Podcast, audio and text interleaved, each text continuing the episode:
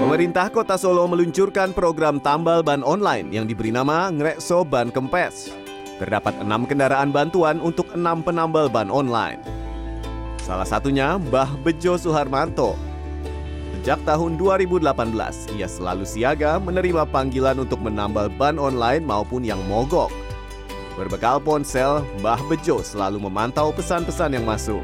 Ya itu mobil 65 ribu, jarak jauh itu, jarak dekat 50 ribu. Mbah Bejo mengaku semata-mata bukan uang yang dikejar, namun juga menolong masyarakat. Dalam sehari bisa melayani tambal ban hingga 10 kali. Bersama anaknya, Bejo pun melaju menggunakan motor tiga rodanya.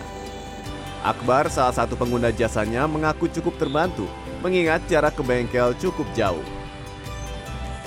sangat dibutuhkan masyarakat walaupun kan karena pilihannya kalau kita nggak tambal di tempat kita paksakan ke bengkel terdekat kan jadi daripada resiko nanti makin rusak lagi bannya jadi ini bisa jadi solusi sih buat orang yang memang ada kendala dengan ban kendaraannya Selain itu, Mbah Bejo juga mengaku mampu mengatasi motor atau mobil yang mogok dengan kerusakan ringan.